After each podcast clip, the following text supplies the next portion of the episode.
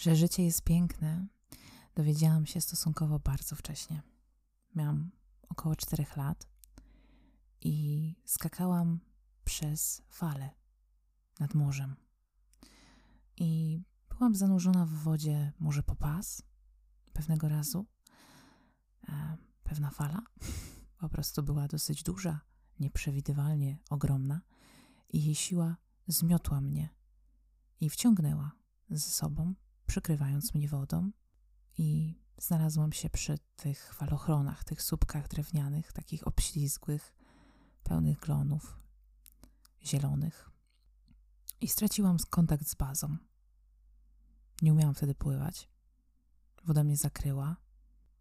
Widziałam nad sobą, że nawet jak rączki wyciągałam do góry, to, to te rączki już nie wychodziły nad powierzchnię. I pamiętam, że bardzo się chciałam trzymać, utrzymać za wszelką cenę, więc się łapałam tego falochronu. On był bardzo śliski, a ja łykając wodę starałam się wynurzyć, ale się nie udawało, bo jeszcze przy falochronie był taki wciągający piasek, taki muł. To wszystko brzmi dramatycznie, bo było dramatycznie. I nie wiedzieć skąd taka mądrość w tak małym dziecku, jak dzisiaj sobie o tym pomyślę. Ale tuż po tym, jak przewinęło mi się dosłownie własne życie w klatkach, chyba w niecałej sekundzie, po prostu widzicie życie w klatkach, w takich obrazach, wasze wspomnienia. Nie wiem, ile ich było, nie wiem, w jakim to się czasie jakby stało, ale tak, dzieje się tak przed śmiercią, że widzicie swoje życie w klatkach. One, te momenty są ułamkami sekund. Poczułam w którymś momencie, że coś mnie łapie z boku. Nie byłam świadoma do końca, kto to jest, ale widziałam, że to jest małe ciałko. To jest ktoś młody. I nie wiem dlaczego, ale zrozumiałam, że jest to mój brat, niewiele starszy ode mnie. I poddałam się mu. Powiedziałam, że obydwoje możemy zginąć. Wiedziałam, że mój brat niedawno się dopiero uczył pływać i muszę się mu poddać i zaufać. I przestałam się ruszać i po prostu dałam mu ze mną zacumować, że tak powiem, na brzeg. I kiedy już znaleźliśmy się na tym brzegu i kiedy usiadłam i zdałam sobie sprawę, co się dzieje, i kiedy zobaczyłam całą masę ludzi dorosłych wokół nas, którzy się wpatrywali bez żadnego zapytania. Nikt do nas nie podszedł, nie zapytał się, czy wszystko w porządku. Chyba ludzie nie wiedzieli do końca, co się zadziało w tak krótkim czasie. Wokół nas było pełno ludzi, był środek lata. Kąpali się zdecydowanie tam dalej od nas. Taki niefortunny przypadek trafił na mnie. I słuchajcie, usiadłam na brzegu i zaczęłam płakać. Zaczęłam płakać, bo poczułam piękno życia. Dotarło do mnie, jak jest kruche. Nie wiedziałam wówczas czym albo kim jest Bóg, ale wierzyłam, że coś stworzyło mnie i jest to piękne. Więc później miałam taką traumę. Bałam się w ogóle wchodzić do wody i już jak byłam e, przy kolanach, tak na głębokości kolan, to no trzęsłam się, bałam się. Już nie bawiłam się w, skak w skakanie na fali. E, I przez wiele lat ta trauma do wody mi została. Ale gdzieś wewnątrz, wtedy w środku siebie, poczułam przepotężną moc życia. Poczułam jego piękno, jego kruchość. I przewijając taśmę, jestem bardzo wyczulona na to, jak ludzie mówią, że wszystko od nas zależy, jest naszą decyzją i wyborem. Bo tak się składa, że hmm, ja się z tym nie do końca zgadzam. Istnieją ludzie, którzy mają łatwe początki w życiu, mają szczęśliwe dzieciństwo, a istnieją ludzie, którzy są bardziej przez nie poturbowani. I to jest bagaż, który należy z sobą tachać. Czasami jest to bardzo ciężki plecak i cała podróż wydaje się zdecydowanie cięższa i wymaga większego wysiłku od nas. A czasami to są takie nagrody wręcz. Macie wrażenie, że dostajecie taki wikt, opierunek, tak się to mówi? Wikt, opie, okierunek, opierunek? Czasami człowiek nie pisząc danych słów, tylko ze słyszenia robi takie głupie błędy. I, I można iść sobie z taką wałówką wesoło, na przykład na jakiś lekki, łagodny stok. I wchodząc, patrzycie na to życie i przypomina taki piękny zachód słońca, który mieni się tyloma barwami. I macie pyszną, świeżą bagietkę od jednego rodzica, od drugiego dostaliście taką pyszną domowej roboty konfiturkę truskawkową. Dostaliście mapę, dostaliście kompas, dostaliście ciepłe obuwie, odzież, żeby nic wam nie przemokło, żebyście się nie przepocili. Dostaliście specjalnie oprzyrządowanie. Wszelkie latarki, haki, kolce, bolce, czego byście tam nie, nie potrzebowali, dostaliście na tą podróż. A niektórych podróż? To mi się tak kojarzy z tymi zdjęciami w internecie, tych takich kuzek górskich, które tak na tych stromych skałach, żeby uszczknąć coś tam zielonego, stoją, ryzykując własne życie i skaczą, skakają, sko sko skocznie, poruszają się na tej powierzchni iście, e, wręcz pionowej, takiej stromej. I tak, e, nigdy nie używałam, słuchajcie, w życiu dorosłym swoich traum do tego, żeby siebie usprawiedliwiać. Nigdy nie lubiłam o tym opowiadać nikomu. Natomiast to wszystko, co nosiłam w sobie przez lata, skutecznie obrzydziło mi życie, o którym myślałam, że jest piękne, mając te lata cztery, chociaż już wtedy widziałam wiele w swoim życiu. I powiem Wam, że na nowo od jakiegoś czasu uważam, że życie jest piękne, dlatego że z pewnych przyczyn w jakiś sposób udało mi się pokochać siebie. I nie wiem już, co było pierwsze. Nie przemyślałam odpowiedzi na to pytanie, samej sobie zadane, ale niewątpliwie jedno z drugim idzie w parze. I myślę sobie, że ludzie, którzy zawsze twierdzą bardzo surowo i tak bezwzględnie, że to wszystko jest naszym wyborem i nawet są pewne szkoły, które tłumaczą, że rzekomo sobie nawet własnych rodziców tutaj przychodząc na ten świat wybieramy. No, jak słucham takich opowieści, to się robi troszkę tak. Już nawet nie przykro. Tylko zdaję sobie sprawę, że ci ludzie mało w życiu przeżyli, po prostu mają brak doświadczenia, bo gdyby je mieli, to mówiliby zupełnie inaczej. I teraz, żeby była jasność, nie szukam dla siebie wymówek. I to jest coś, co wiem tylko ja. Nagrywam ten podcast, będąc zainspirowana tak, sobą samą. Właśnie tym, co wpadło mi ostatnio do głowy 9 lutego, kiedy to czułam taką wewnętrzną walkę, że chciałabym więcej, a czasami czuję, że nie mogę i robię wszystko, co mogę, ale czuję, że jeszcze można więcej i jeszcze, i jeszcze, i jeszcze, jeszcze, jeszcze te swoje limity wyśrubować. I zastanawiam się, czy jest to ambicja, czy to już jest zdrowe, czy to nie jest zdrowe. Powiecie, co to znaczy, że człowiek osiągnął sukces? No, ja uważam, że już osiągnęłam sukces ogromny.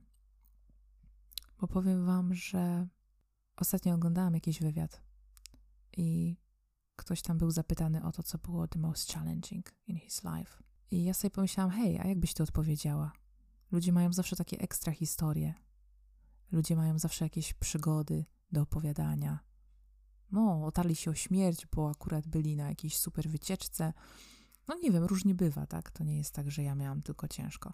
Ale ludzie opowiadają często zabawne historie.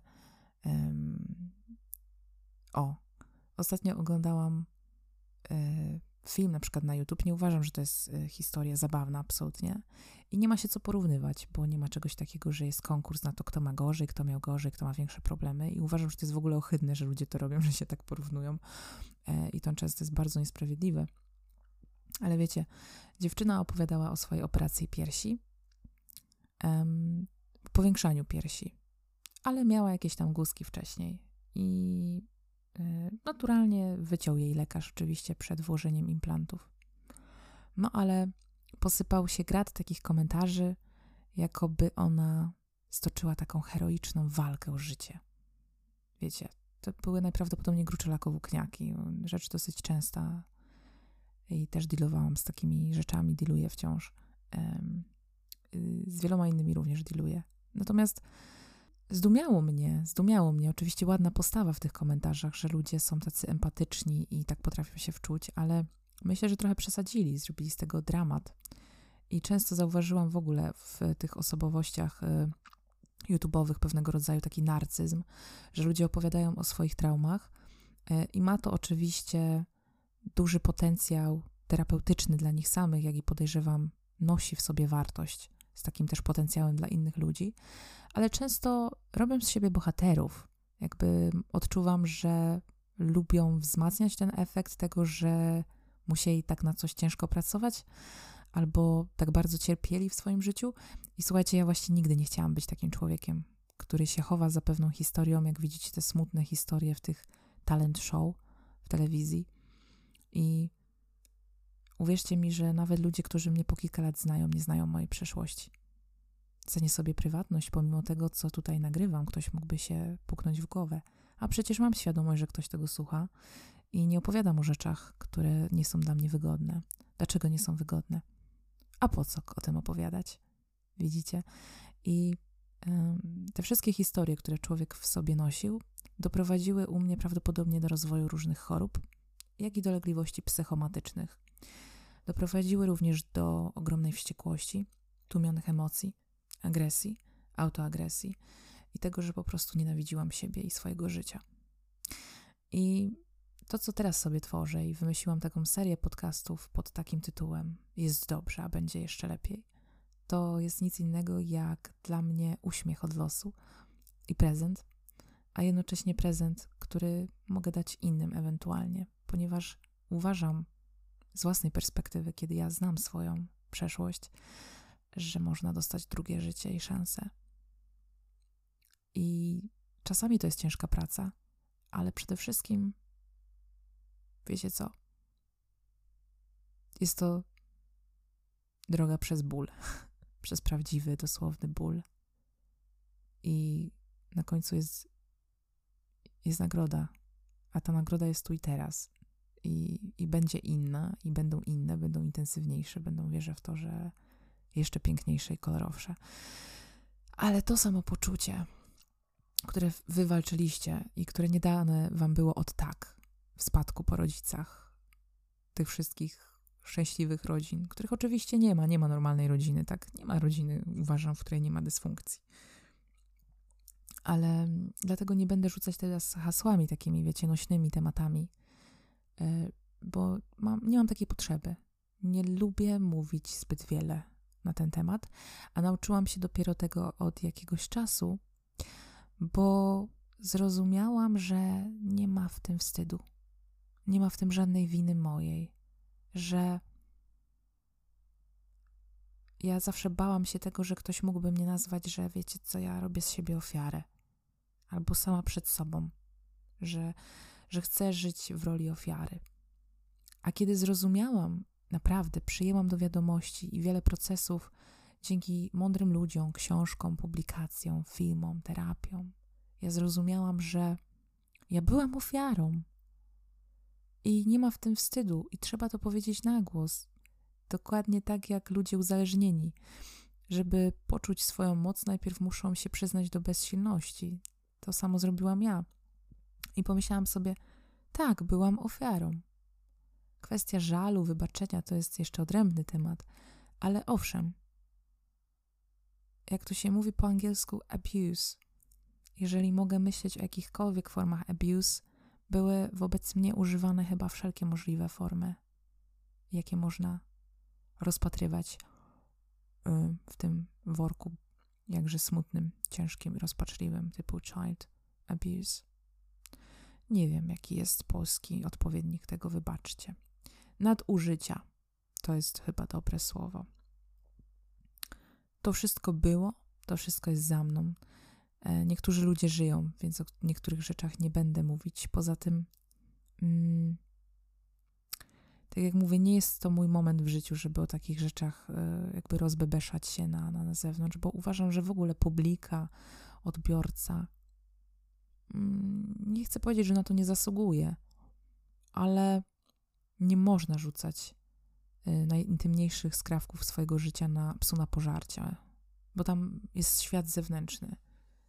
I w tym świecie zewnętrznym są ludzie również, którzy mogą was pokochać. I są ludzie, którzy mogą wam zaszkodzić. I są ludzie, którzy nawet pewną wiedzę mogą wykorzystać przeciwko Wam, co jest wstrętne, ale się zdarza. Dlatego myślę, że to wystarczy, co powiedziałam. Natomiast jeżeli sam pochodzisz z takiej rodziny, gdzie było dużo traum, napatrzyłeś się, poczułeś życie, poczułeś jego ciemną moc i prawdopodobnie przez całe swoje dorosłe życie wchodzisz w dziwne role, układy i masz z tym problem i nie wiesz, dlaczego życie jest dla ciebie jedną wielką jakby pasmem dram, dram kolejnych i traum, to powiem ci, że jest światło w tunelu. Że jeżeli jesteś w takim miejscu, gdzie, gdzie jest ci po prostu źle, bo jest ci źle od początku, to nie dlatego, że nagle obudziłeś się mając 30 lat i, i uznałeś, że no nie wyszły ci plany twoje życiowe i masz jakiś tam lekki kryzysik, no i nie wiem, pójdziesz na siłownię, zaczniesz ćwiczyć i, i twoje problemy miną po pół roku, kiedy odkryjesz moc, jaką daje regularny sport. Mówimy o ekstremalnych przypadkach nadużyć w dzieciństwie, które rzutują na całe życie. Więc jeżeli jesteś taką osobą, to chcę ci tylko powiedzieć, że nie jesteś sam. I uśmiecham się, szczerze się uśmiecham z serca. Nie jesteś tam sam. Czy ci to ma w czymś pomóc? Nie wiem. Ale niech ja będę świadectwem, że można. Że można. To, że sobie czasami mówię, że jestem w czarnej dupie, to raczej się tyczy kwestii materialnych, bo pieniądze są, pieniądze, pieniędzy nie ma.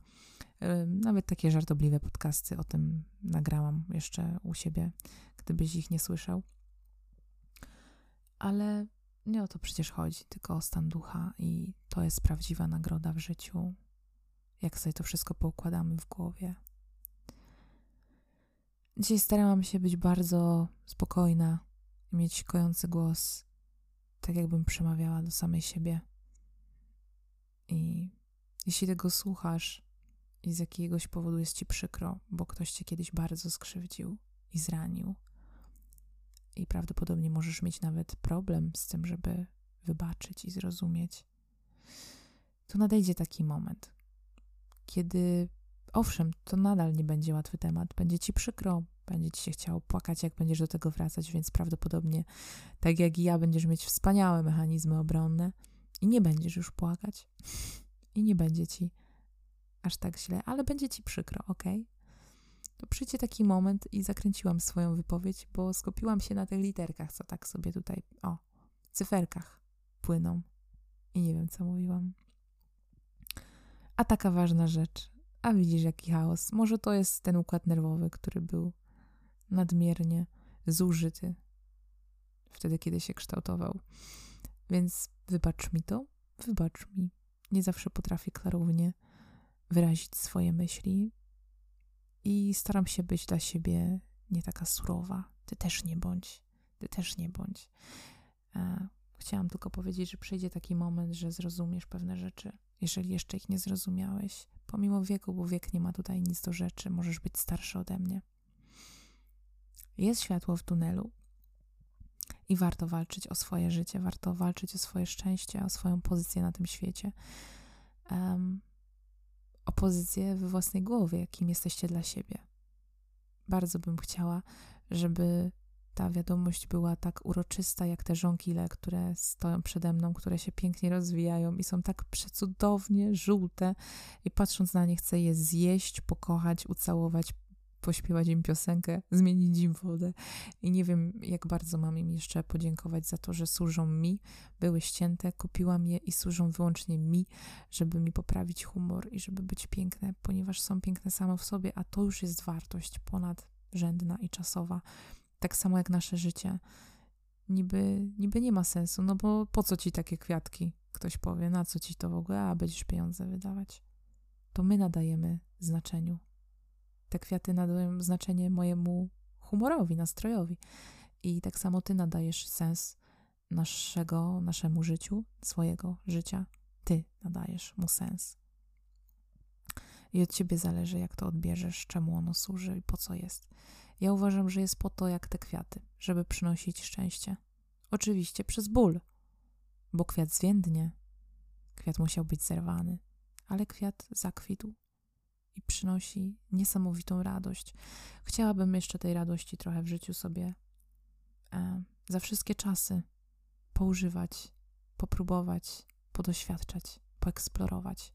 Mam głód w sobie, bo mam wrażenie, że tyle lat nie, nie przespałam, nie mam sobie nic do zarzucenia. Leczyłam rany, duże rany. Są blizny i będą blizny, są dosłowne fizyczne blizny na moim ciele. I kończę, bo się popłaczę w tym momencie. Trzymaj się ciepło. Trzymaj się ciepło, kimkolwiek nie jesteś. Dziękuję za dzisiaj.